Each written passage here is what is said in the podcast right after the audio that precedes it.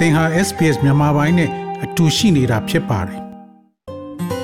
SBS မြန်မာပိုင်းကို အင်ကာနဲ့စနေနေ့ည10:00နာရီမှနားဆင်နိုင်တယ်လို့အွန်လိုင်းကနေလည်းအချိန်မီနားဆင်နိုင်ပါပြီ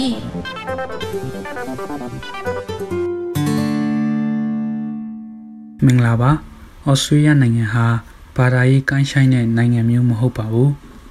ဩစတြေးလျနိုင်ငံသားတွေဟာသူတို့အတိုင်းဝိုင်းဝန်းကျင်ကဘာသာရေးအဆောက်အအုံနဲ့အယူဆတွေကို မေခွန်းထုတ်တာမျိုးဒါမှမဟုတ်စန့်ကျင်တာမျိုးပြုလုပ်လိရှိကြပါတယ်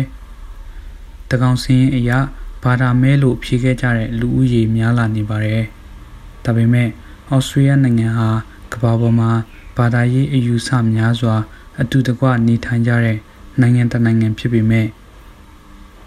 ဘာသာရေးလွတ်လပ်မှုဆိုင်ရာ ဥပဒေအကာအကွယ်တွေကအားနည်းနေတုံးရှိနေပါတယ်။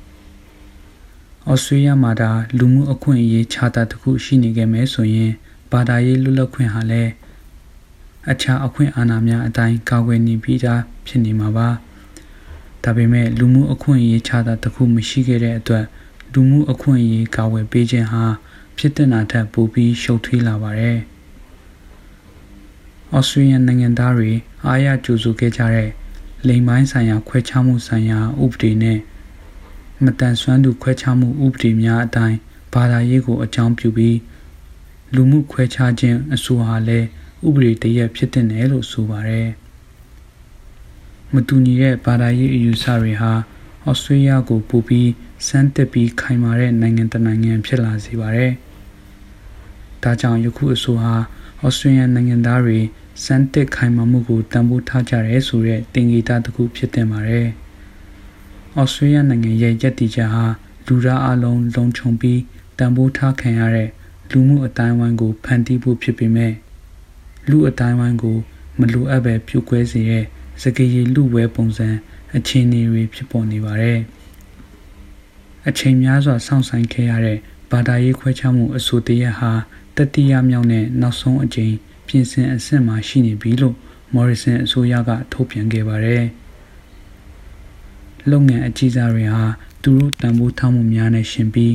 ဘာသာရေးအယူဆတွေအပေါ်မေးခွန်းထုတ်လို့ရှိတဲ့ဝန်ထမ်းတွေရဲ့အခြေအနေနဲ့ပတ်သက်ပြီးလုံနိုင်ခွင့်သိမိရှိတဲ့ flow clause နဲ့ကျမ်းမာရေးဝန်ဆောင်မှုတွေမှာဆေးရဝန်တွေကိုသူတို့တန်ဖိုးထားမှုတွေနဲ့မကန့်ညီရင်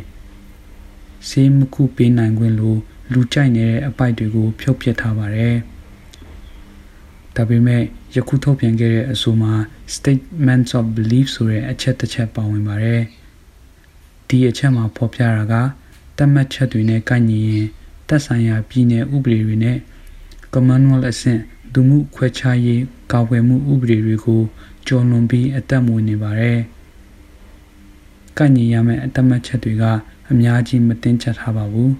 ။ယခုအချက်ကြောင့်လူတွေကိုယ်ပိုင် မျက်နှိုးစွာတန်ဖိုးထားမှုတွေကိုလုပ်နေချိန်မှာတပားသူအမြင်ဝယ်ဘာသာရေးဆိုင်ရာပြစ်မှုတစ်ခုကျူးလွန်နေတယ်လို့ခံစားနေရနိုင်ပါတယ်။ဒီအဆိုဟာ lobby အဖွဲ့တချို့ခရီးရန်ခေါင်းဆောင်များနဲ့မျိုးချစ်စိတ်လွန်ကဲနေသူများအကြားအိမ်တောင်ရေးညီမျှမှုနဲ့ပတ်သက်တဲ့အယူအဆကွဲလွဲမှုတွေရဲ့အဖြစ်တစ်ခုလည်းဖြစ်လာနိုင်ပါတယ်။ညီမျှမှုအခွင့်အရေးနဲ့ ဘာသာရေးလွတ်လပ်ခွင့်တွေအကြားပေါက်ဖွာလာတဲ့ယခုအဆိုဟာ Israel Folio နဲ့ Julian Porteous တို့လိုနာမည်ကျော်အခြေအနေတွေကြောင့်ဘာသာရေးယုံကြည်သူများနဲ့အခြားသူများအကြားသဘောထားကွဲလွဲမှုတွေကို ဖြစ်စေခဲ့တဲ့အချက်တွေကို ပြန်လည်မောမှန်ထားတာဖြစ်ပါတယ်။တမိုင်းတလျှောက်မတရားမှုစော်ကားခံရမှု ခွဲခြားခံရမှု လောင်ပြောင်မှုများနဲ့ဘာသာရေးခွဲခြားမှုတွေကို မူလပိုင်ရှင်မျိုးနွယ်များနဲ့တခြားမျိုးနွယ်စုတွေဟာတောက်လျှောက်ခံစားလာခဲ့ကြရပါတယ်။ Philip Rantok ဦးဆောင်တဲ့ဘာသာရေးလွတ်လပ်ခွင့်စောင့်ကြည့်ရေးအဖွဲ့ကတော့ဒီလိုပြောင်းလဲလာတဲ့အခြေအနေတွေကိုသိနေပြီးဘာသာရေးလွတ်လပ်ခွင့်ကိုတခြားဆွေးနွေးမှုတွေဖြစ်တဲ့အမျိုးအနွယ်များမှု နားလည်နိုင်မှုနဲ့တီးခတ်နိုင်မှုတို့လောက်အလေးမပေးကြဘူးလို့ဆိုပါတယ်။ သူတို့ဟာဩစတြေးလျအစိုးရကိုဘာသာရေးလွတ်လပ်ခွင့်ပိုပြီးခံစားရတဲ့လူမှုအတိုင်းဝိုင်းဆိုတဲ့ခေါင်းစဉ်နဲ့ပတ်သက်ပြီးလေ့လာမှုတွေလုပ်ဖို့တောင်းဆိုခဲ့ကြောင်းသိရပါဗျ။ဘာသာရေးဆိုတဲ့ခေါင်းစဉ်အောက်မှာတင်နားလည်မှုကွဲလွဲနိုင်တာမျိုးလည်းရှိနေနိုင်ပါတယ်။ဘာသာရေးယုံကြည်မှုတွေဟာတခြားအယူဆတွေဖြစ်တဲ့လိမ်ပိုင်းဆိုင်ရာလက်ထပ်ခြင်း၊ကွာရှင်းပြည့်စဲခြင်း လူမှုရေးမြင့်မြတ်မှုဆိုင်ရာအခြေအနေတွေနဲ့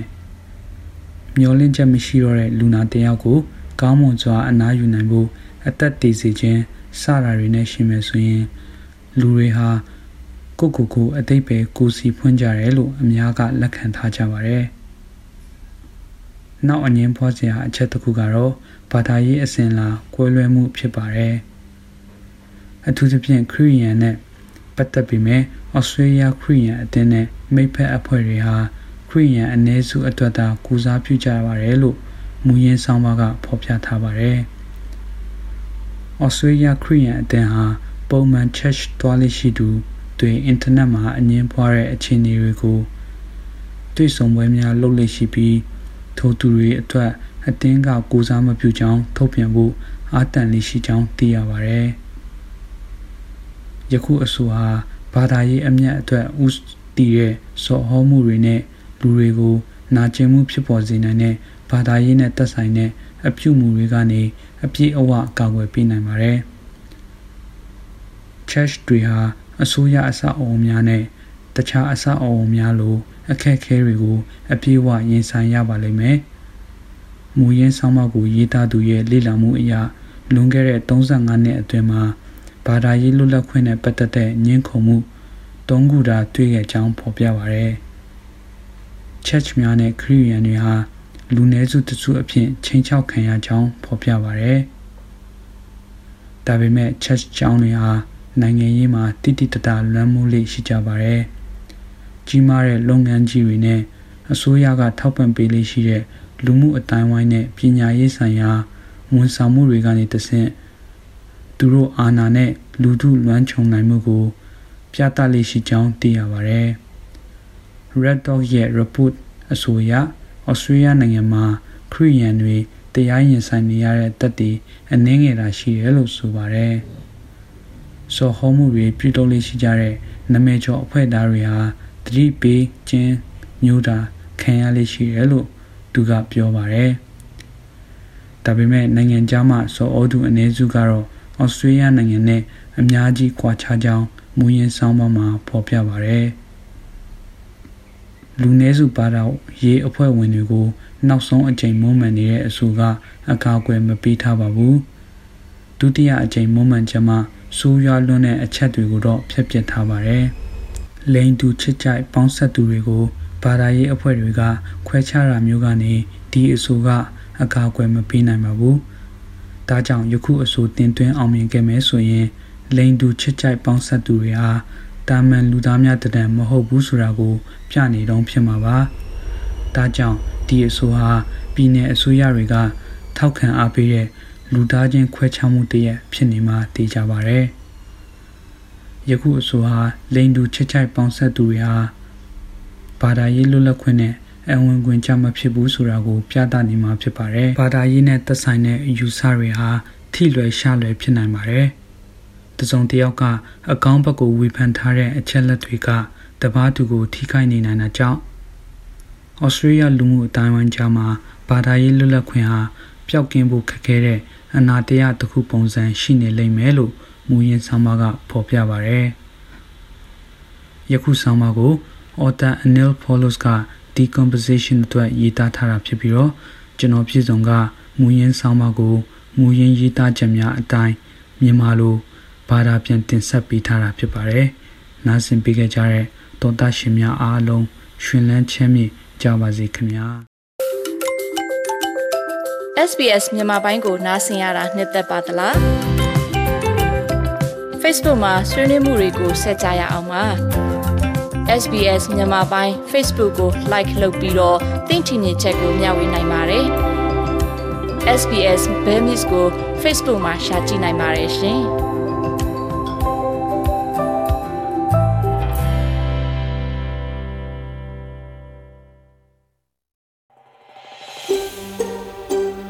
ဒါမျိုးသတင်းဆောင်မတွေကိုပိုနားဆင်လိုပါလား Apple Podcast Google Podcast Spotify တို့မှာသင်ပင်ရာဖြစ်ဖြစ်ရယူတဲ့ podcast ကနေပါ